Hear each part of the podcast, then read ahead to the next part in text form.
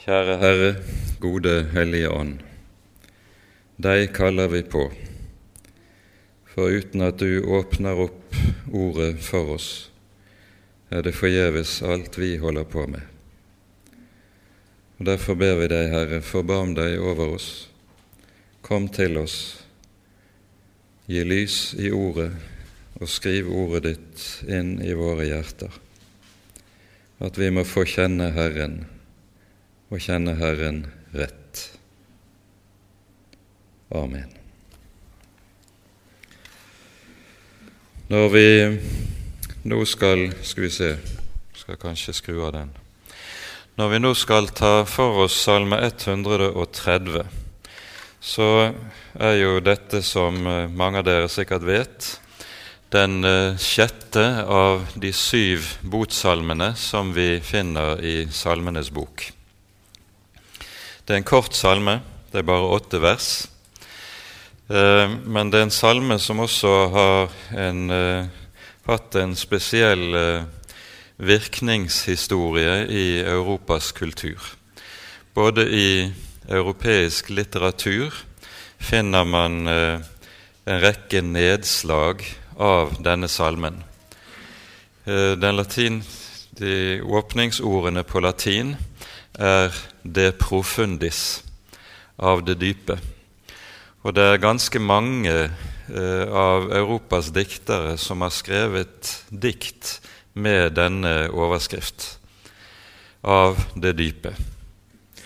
Og vi finner også sterk gjenklang av det hos en rekke av de store komponister i eh, de siste 400-500 årenes kirkehistorie.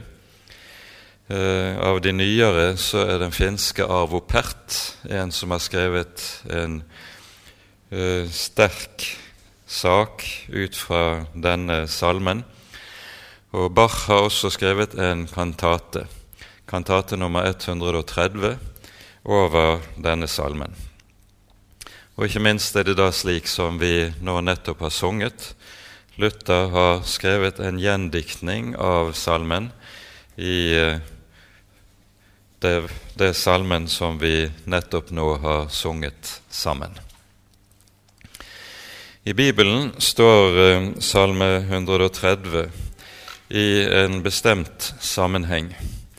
Eh, det er en rekke salmer fra Salme 120 av og ut til og med Salme 134 som har overskriften 'En sang eller salme' ved festreisen. Det betyr at dette er salmer som er skrevet som pilegrimssalmer med tanke på folkets eh, reise opp til Jerusalem i forbindelse med de store valfartshøytidene. Tre ganger om året foreskriver Moseloven at Israels folk skal vise seg for Herrens ansikt i Herrens helligdom. Dette var ved påskehøytiden, ved pinsehøytiden og ved løvhyttehøytiden. Og eh, etter hjemkomsten fra eksilet i Babylon er det antagelig disse salmene er blitt til. Og eh, for da er det at vi ser eh, det jødiske folk på en helt annen måte eh, innretter liv og gudstjeneste etter Guds ord i Mosebøkene. Forut for fangenskapet i Babylon så har eh, avgudsdyrkelsen, som eh, påvirket folket fra de kananittiske folkeslagene omkring, i så sterk grad preget det jødiske folks liv og gudstjenesteliv at det aldri ble noen riktig ordning på det som Mosebøkene lærte skulle være en grunnleggende side ved folkets trosliv og gudstjeneste. Etter fangenskapet i Babylon så er folket så å si vaksinert mot avgudsdyrkelsen. Da er, representerer denne ikke lenger en fristelse for det jødiske folk. Og Det innebærer at i og med Esra og Nehemia og deres vel, veldig betydningsfulle reformasjonsverk i forbindelse med gjenreisningen av tempelet i Jerusalem, at da kommer folkets gudstjenesteliv også i en helt annen orden.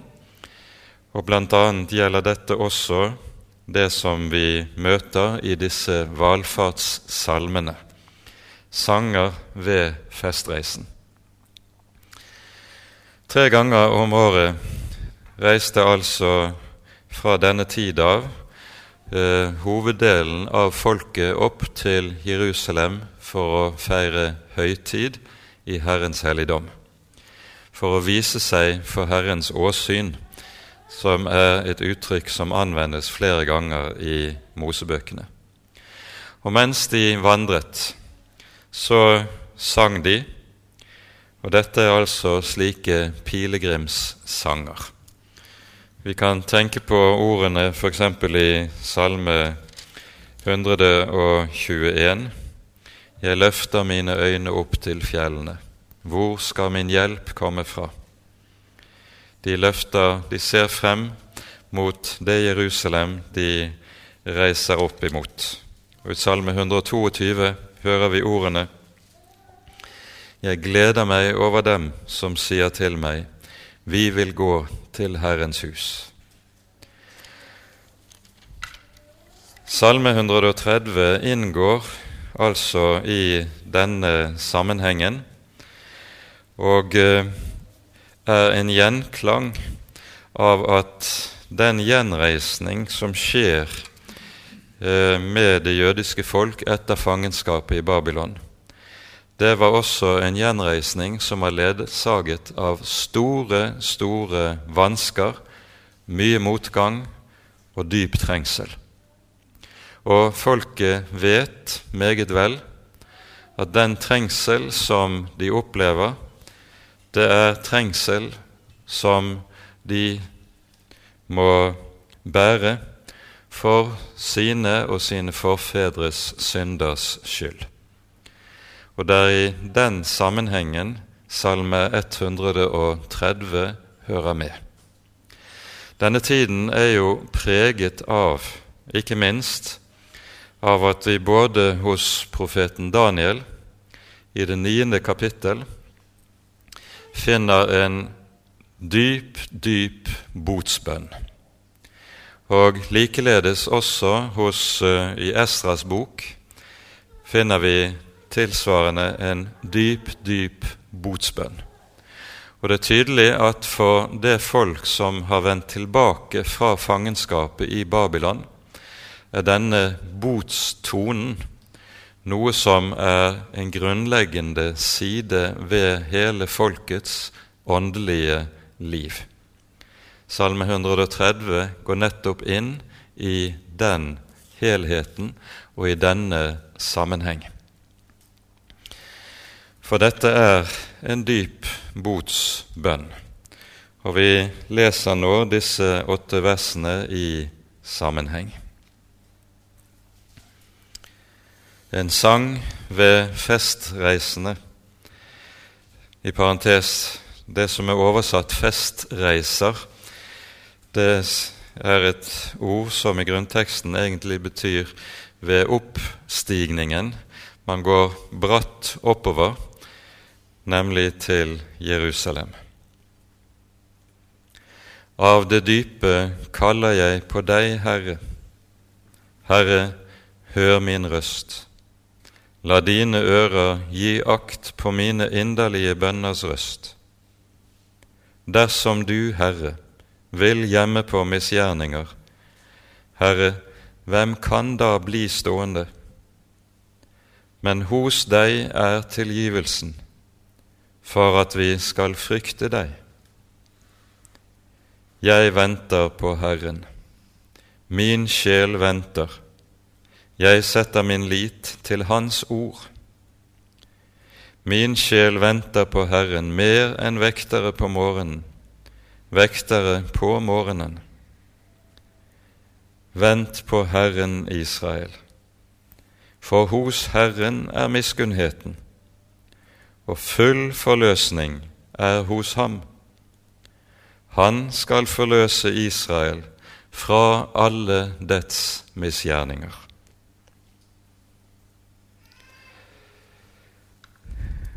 Salmen begynner altså med ordene 'av det dype' og munner ut i dette veldige løftet. Han skal forløse Israel fra alle dets misgjerninger. Den begynner i det dype mørket og munner ut i det sterkeste håp. Ordet som er oversatt med 'det dype', det betyr Det er et ord som alltid anvendes i den hebraiske teksten om det å havne i det dypeste, dypeste vann. Det at, og det er gjennomgående i Det gamle testamentet, bildet på den største trengsel. En holder på å gå under. Der gis ikke fast grunn, en synker, og det er ingen som ser ut til å kunne hjelpe. Ordet kommer egentlig av et eh, substantiv som betegner en dyp, dyp dalkløft. En kløft som er så dyp at, eh, og så trang at solens lys ikke kommer til. Og så er det dette mørket, dette dyp, hvor det ikke er fotfeste, og hvor det ikke er hjelp, som eh, betegnes ved dette ordet som her anvendes i grunnteksten. Og når salmisten slik roper på Herren, så er det med bakgrunn i det Herren har sagt om seg selv. Og det er uhyre avgjørende å være klar over. Det er et sentralt ord i Det gamle testamentet som vi finner i Jesaja-boken i det 57. kapittel. Ord som også innleder vår gudstjeneste i Delk. Jesaja 57, 15, der står det slik:" Så sier den høye, den opphøyede, han som troner for evig, som bærer navnet hellig.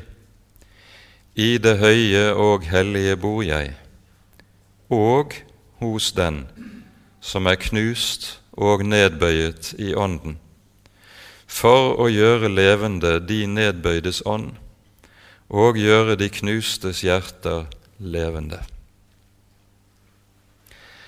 For dette er slik Gud har åpenbart seg. Han er både den som troner i lyset, i det høye og det hellige som vi leste det, høyt opphøyet i evig herlighet og ære, i et lys så veldig så sterkt at intet øye tåler å se dette lys. Og så bor han også i det lave, i det dype.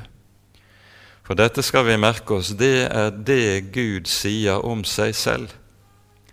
Han er samtidig den som troner i det høye, og som har lovet å bo i det lave, i det dype. Og i tråd med dette så taler Skriften om at Gud, Israels Gud, er en Gud som bøyer seg. Det er et under. Det er et under at han nettopp har lovet å være slik, å være det. Den som bøyer seg til de som bor i det lave, de hjelpeløse, de sønderknuste, til syndere. Og Det er dette som er bakgrunnen for at dette nødropet lyder i Salme 130. Av det dype kaller jeg på deg, Herre. For ropet lyder nettopp til denne Gud som har sagt det om seg selv. For i slik nød vet salmisten det er ingen annen som kan hjelpe. Her er det ingen annen jeg kan henvende meg til. Og derfor sies det kaller jeg på deg. Ordet som er oversatt med 'å kalle på', betyr å rope, rope høyt. Og det er det et menneske gjør som er i livsfare, som ligger på dypet og er ved å gå under. Og så kommer det neste verset til oss. Herre, hør min røst. La dine ører akte på mine inderlige bønners røst. I dette nødropet ligger angsten og frykten for at Herren ikke skal høre. For tenk om det var slik at han lukket sitt øre. Tenk om det var slik at han ikke ville svare. Da ville alt håp være ute. For når det ropes til ham, så er det fordi det er i ham håpet ligger gjemt. Det som i våre bibler er oversatt med 'mine inderlige bønners røst', det er et ord som på grunnteksten egentlig betyr et rop om nåde.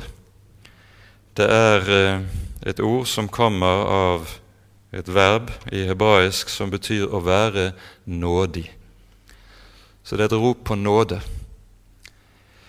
Det er med andre ord et rop som handler om det at når jeg nå roper, så har jeg ikke noe å vise til hos meg selv som jeg kan grunne mitt rop på, min bønn på, Bønnen og ropet er grunnet ene og alene på at Herren er det Han har sagt Han er, den som er stor i nåde, den som med andre ord hjelper for intet. For det er det ordet nåde jo betyr. For intet.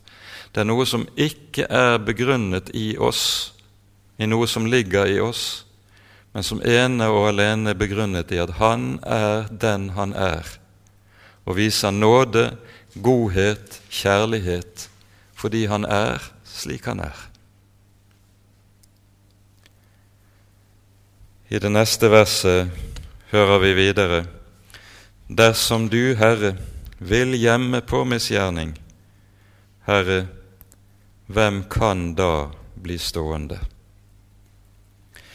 I Romerbrevets åttende kapittel skriver Paulus er Gud for oss, hvem kan da være imot oss? I disse ordene vi her hører i vers 3, så kunne vi snu dette ordet på hodet. Er Gud mot oss, hvem kan da være for oss? Da er det intet håp, da er det ingen vei, da er det ingen mulighet. Dersom du, Herre, vil gjemme på misgjerning, Herre, hvem kan da bli stående? Det som dette vers 3 hviler på, det er tre grunnleggende forutsetninger. For det første dette at alle mennesker, hvert menneske, er en synder. Det er intet menneske som er ren.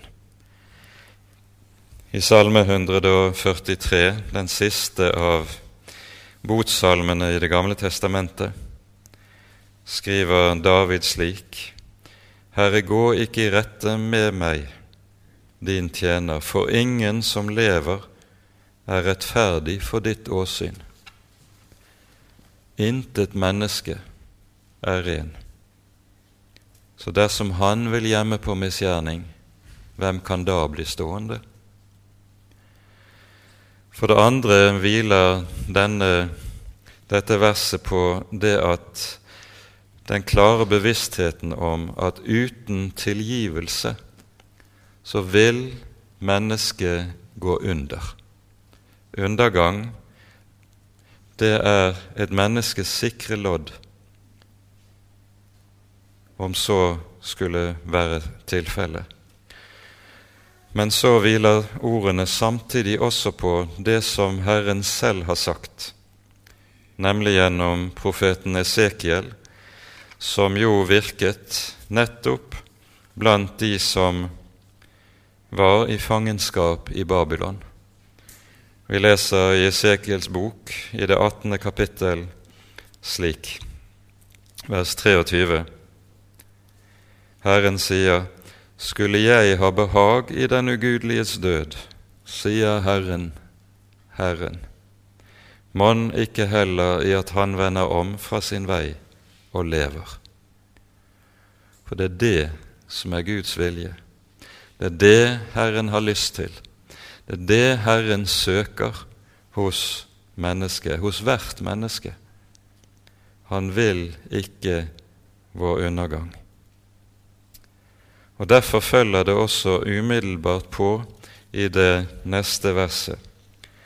Hos deg er tilgivelsen, for at du skal fryktes. På ny er det slik at det er detaljer i grunnteksten som kaster lys over hva som ligger i disse ordene. For det første innledes verset altså med ordene 'hos deg'. Med det sies det her hos Herren er det miskunnheten har sin bolig. Den bor ikke noe annet sted. Det er der den hører hjemme, det er der den har sin kilde og sitt opphav. Og så følger det hos deg er tilgivelsen. Her er det slik at tilgivelsen er omtalt nærmest i personalform. Det er som om tilgivelsen er en person. Og det er jo vitterlig det som er tilfellet og blir tilfellet når den Herre Jesus kommer til vår jord. Da er tilgivelsen personifisert, legemliggjort i hans skikkelse. Hos deg er tilgivelsen for at du må fryktes. Verbet som brukes på hebraisk, er et særegent verb. Det er noen ganske få slike verb i hebraiske språk som har det med seg at de utelukkende anvendes med Gud som subjekt. Det anvendes aldri med et menneske som subjekt. I skapelsesberetningen i første Mosebok så hører vi f.eks verbet for å skape. Dette anvendes i Det gamle testamentet utelukkende om Guds person, fordi det er Han alene som er i stand til å skape, skape av intet. Slik er det også med dette verbet som her anvendes for å tilgi. Det anvendes utelukkende med Gud som subjekt i Det gamle testamentet. Og det er dette som eh, fariseerne også er meget klar over når det skjer som i fortellingen vi husker fra Markusevangeliets andre kapittel, når eh, det kommer fire mann bærende på en verkbrudden. De må bryte opp taket for å slippe til hos Jesus og senker båren ned for Jesu føtter. Og når Jesus ser ham, så det, sier han til ham, Sønn, dine synder er deg forlatt. Og så står det videre For seerne tenkte da ved seg selv, denne mann spotter Gud. For ingen kan forlate synd uten én. Det er Gud. Så hører vi videre at Jesus merker ved seg selv hva de tenker i sine hjerter. Og så stiller han dem spørsmålet, et spørsmål som er et merkelig spørsmål. Hva er lettest? Å si til denne verkbruddene dine synder er deg forlatt, eller å si til ham stå opp, ta din seng og gå. Men for at dere skal vite at menneskesønnen har makt på jorden til å tilgi synder, sier han til den verkbudne, Sønn, stå opp, ta din seng og gå. Og så skjer det. Underet skjer ved Jesu ord. Men dette spørsmålet som Jesus stiller, hva er lettest? Det er jo et merkelig spørsmål. Fordi i våre øyne eller ører så blir det jo nærmest Vil det alltid være slik at å si til en som er i en slik situasjon Dine synder er deg forlatt. Det vil ikke koste noe som helst, for ingen kan kontrollere gehalten i det som blir sagt. Men om jeg sier til en lam stå opp, ta rullestolen din og gå, så vil alle se at det, det er ikke noe hold i mine ord. For Jesus er det omvendt. Han koster det overhodet ingenting å si stå opp, ta din seng og gå. For han er jo den ved hvem himmel og jord er skapt. Og himmel og jord ble skapt ved et ord bli lys, og det ble lys. Jesu ord har Guds egen skapermakt og skaperkraft i seg. Så det koster ham ikke det aller minste å si stå opp, ta din seng og gå, for her ligger skaperkraften. Men å si dine synder er deg forlatt, det koster ham usigelig mye. Det koster ham livet å skulle si det. Så er det der, derfor er det ikke lett for Jesus å si et slikt ord.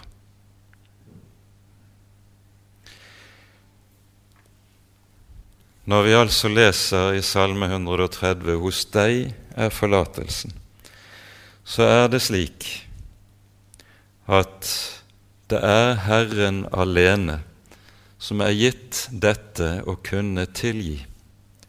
Det er Guds privilegium, det er Guds ene rett. Og hvorfor er det slik? Fordi dypest sett så er all synd noe som er gjort mot Gud selv. Synd er majestetsforbrytelse. David setter ord på dette i Salme 51, som jo er en annen av de sentrale botsalmene. Han sier, 'Mot deg alene har jeg syndet'. Denne salmen ble bedt av David i syndenød etter at han hadde gjort synden med Batseba og med Uria. Og dette var noe vitterlig synd som var gjort mot mennesker. Han har ødelagt et ekteskap ved å ta en annen manns hustru og deretter forvoldt ektemannens liv. Hor og drap har han på samvittigheten. Og Det er sannelig synd mot mennesker. Og likevel så sier altså David, mot deg alene har jeg syndet. For all synd har det med seg at det nettopp er majestetsforbrytelse. Det er noe som er gjort mot Gud. Og det er det som ligger i synsbegrepet. Det er jo av og til du kan se i, i en del moderne litteratur og sammenhenger at Um, synsbegrepet brukes som et slags sånn pirrende begrep. At noe er syndig. Det er noe som er litt pirrende. Men synsbegrepet har det med seg i Bibelen at det setter meg i forhold til Gud. Ordet synd gjør meg til skyldner, til gjeldsslave overfor den levende Gud. Og det er Han jeg står i gjeld til, som alene også kan ettergi gjelden. Hos deg er forlatelsen. Slik taler Skriften om disse ting, fordi det er, Gud vi står i gjeld til, ingen annen, intet mindre. For at du må fryktes. Og så ser vi av det vi hører her i det fjerde verset i salmen, at Guds frykt dypest sett har sin rot i syndenes forlatelse. Guds frykt henger sammen med bevisstheten om hvem vi har med å gjøre, i Gud som den hellige, som forlater synd. For det at han forlater synd, innebærer aldeles ikke at han renonserer på sin hellighet, at den blir mindre. Tvert om, ved syndenes forlatelse så viser Gud sin hellighetsære, nemlig ved det som vi leser i de siste versene i salmen. Han gir forløsning. Vi kommer tilbake til det. For forløsning det er et ord som betyr at det gis full betaling. Men før vi kommer dit, så hører vi i vers 5.: Jeg venter på Herren. Min sjel venter, og jeg setter min lit til Hans ord. Det å vente på Herren er en sentral side ved troen i Den hellige Skrift. Vi hører om alle de hellige. De ventet. Og David skriver i Salme 40.: Jeg biet på Herren. Da bøyde han seg til meg og hørte mitt rop. Og han dro meg opp av fordervelsens grav av det dype dynn. Han satte mine føtter på en klippe. Vi skal legge merke til uttrykksmåten som står her. Det står 'Jeg ventet på Herren'. Ikke noe mindre. For her handler det om å vente på Herren i hans egen person. I Jesaja-bokens 40. kapittel hører vi mot slutten av eh, kapittelet et løfte. Der sies det 'De som venter på Herren, får ny kraft'.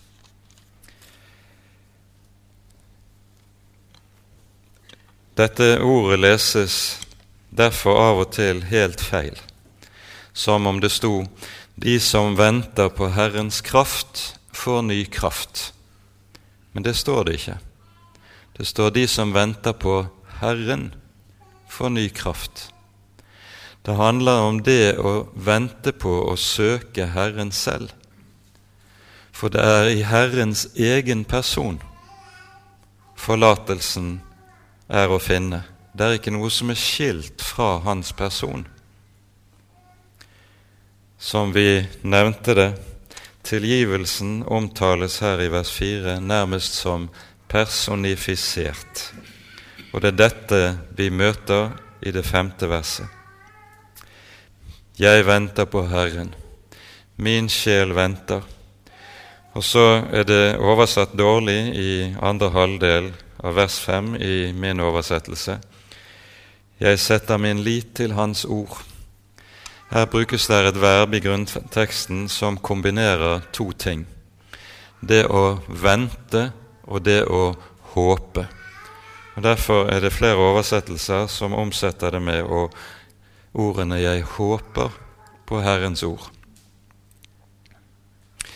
Poenget i denne sammenheng er at vi må se hvordan det å vente på Herren og det å vente på Herrens ord er knyttet sammen. Det er to sider av samme sak. Jeg minnes, jeg tror jeg har fortalt det tidligere, for mange år tilbake jeg talte med en eh, kvinne som bor utenfor Bergen. Hun er død i dag. Hun var blitt alene i begynnelsen av 60-årene, eh, på 60-tallet, med en stor barneflokk. Den gang fantes det ikke sosiale ordninger svarende til det vi har i dag, så det var en meget, meget tung og vanskelig tid for henne, ikke bare fordi hun mistet sin ektefelle, men også fordi det å bli, bli alene med så mange små barn, det betydde store utfordringer økonomisk. De visste ikke alltid om de hadde det de trengte til livets opphold. Jeg spurte henne ved en anledning hva var det som hjalp deg når det var som aller vanskeligst. Hun svarte jeg fikk et ord. Hun fikk et ord fra Herren. Og så ble det slik at dette ordet likesom ble som en hilsen og et håndtrykk. Og så bar dette ordet henne gjennom de tyngste tider, de tyngste dagene. Her kan vi kanskje også få lov til å peke på et annet ord hos profeten Jesaja, som vi finner i det 50. kapittelet, der profeten skriver følgende Kapittel 50, vers 10. Hvem blant dere frykter Herren og hører på Hans tjeners røst når han vandrer i mørket? og intet lys skinner for ham, skal han sette sin lit til Herrens navn og stole på sin Gud. Eller vi kan få lov til også å peke på ordene hos profeten Mika i det syvende kapittel, der vi leser slik Vi leser fra vers syv og åtte. Jeg vil skue ut efter Herren, vente på min frelses Gud. Min Gud vil høre meg. Gled dere ikke over meg, mine fiender. Når jeg er falt, står jeg opp igjen. Om jeg sitter i mørket, er Herren lys for meg. Slik taler Den hellige Skrift, i dyp realisme. Vi unngår ikke å måtte oppleve mørke her i tiden. Stort mørke. Men Herren har lovet én ting. Jeg vil være ditt lys om alle andre lys slukner. Det er Guds folks liv og håp. Min sjel venter på Herren mer enn vektere på morgenen vektere på morgenen. Det den nød salmisten opplever, det er et stort mørke.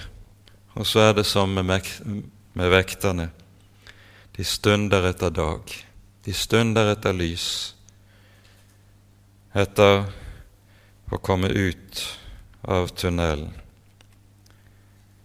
Og så lyder det til slutt i salmen Vent på Herren Israel, for hos Herren er miskunnheten, og full forløsning er hos ham. Og han skal forløse Israel fra all, alle dets misgjerninger.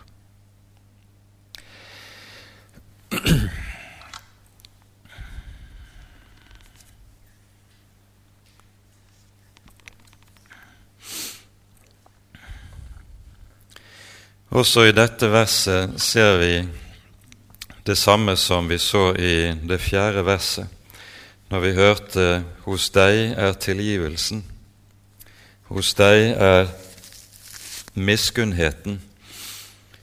Det er likesom slik at miskunnheten også her er personifisert, fremtrer som en person. Og så sies det full forløsning, eller i grunnteksten megen eller stor forløsning, er det hos ham. Ordet forløsning det er et ord som etter grunnteksten alltid anvendes om det å kjøpe fri, krigsfanger eller slaver. Det handler altså om at det er en pris som må betales for at de det gjelder, skal slippe fri, komme løs.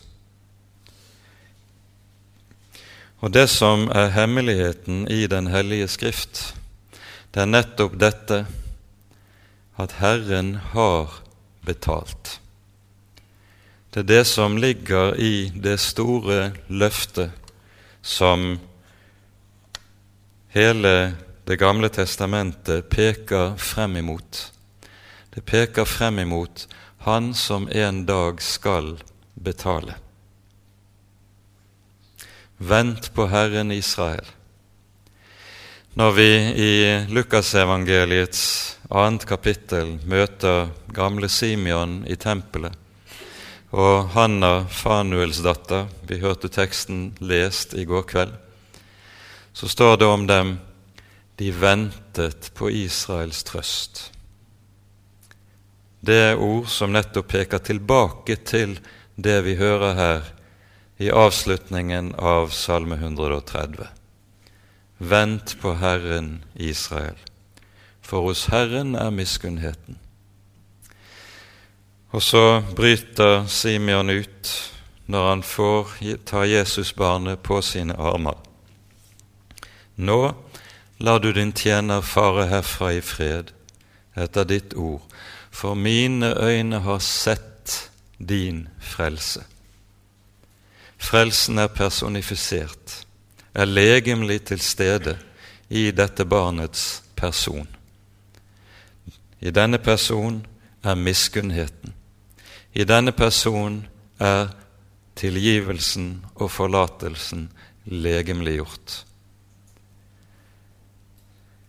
For dette løftet som vi her møter, det er et løfte som nettopp peker fremover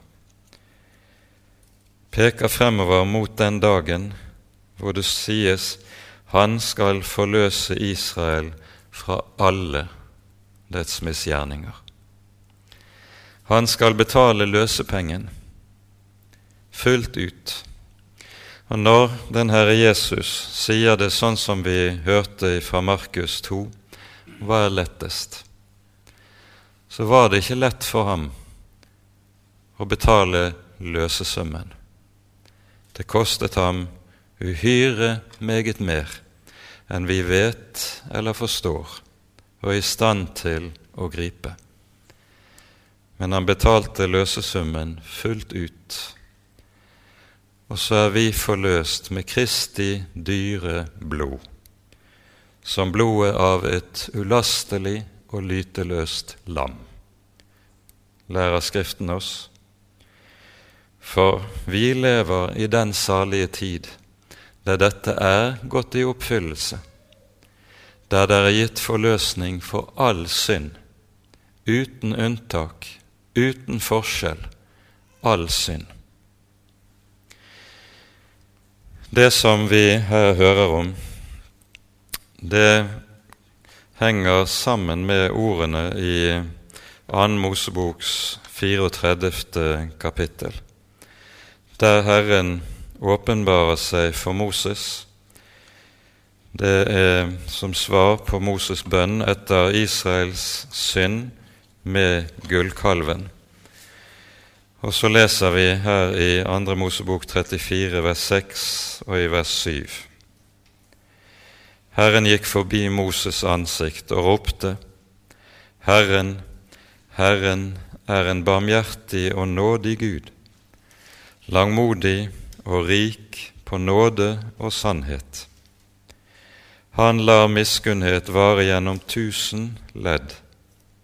Han forlater misgjerning og overtredelse og synd. Her brukes de tre hovedordene eller hovedbegrepene for synd i Det gamle testamentet. Det er tre ulike ord i hebraisk som har hver sin særlige betydning. Det ene begrepet er det som vanligvis bare omsettes med synd i våre bibler, og som betyr rett og slett å bomme på målet. Du sikter på et mål, og så bommer du. Det er den samme betydningen av det greske ordet for synd i Det nye testamentet. Og det Poenget med dette begrepet er at når mennesket er en synder, så betyr det at mennesket har forfeilet målet som Gud har satt for det i sitt liv. Det er ikke bare det at det har gjort en eller annen tabbe i livet, og så har det bommet. Men det betyr at livet er forfeilet og ikke når det mål som Gud vil det skal nå. Det andre begrepet for synd det oversettes ofte i våre bibler med misgjerning. Det kommer av et verb som betyr å fordreie eller bøye. Og det betyr, betegner synden som pervertering av det som er rett og godt. En fordreier det som er godt, slik at det blir så å si sin motsetning. For slik er det også synden arter seg i vår verden, som pervertering av det gode. Det tredje begrepet som anvendes for synd, det oversettes gjerne med begrepet overtredelse. Og Det betegner synden som bevisst opprør mot Gud. At en bevisst vender Gud ryggen, og så å si gjør dette mot bedre vitende. Og når salmen slutter sånn som vi hører det Han skal forløse Israel fra alle dets misgjerninger, så sies det med dette at det er forløsning fra synd i alle dets ulike varianter og aspekter, hvordan den enn ytrer seg her i verden, ja, selv i form av dets groveste opprør. Selv det er sonet, selv det er gjort opp, selv det blir tatt bort, fordi Herren er den Han er. Den Herre som åpenbarer seg slik for Moses, på Sinai. Jeg er Herren, Herren, en barmhjertig og nådig Gud, rik på miskunnhet og stor i langmodighet. Det er den Herre som kler seg i kjøtt og blod, blir menneske og betaler. Betaler hele gjelden, hele prisen, og oppfyller dette løftet som salmen ser frem imot. Og da, da kan vi sammen med Guds folk si på det grunnlag er Gud for oss, hvem kan da være imot oss? Ære være Faderen og Sønnen og Den hellige ånd, som var og er og være skal en sann Gud, høylovet i evighet. Amen.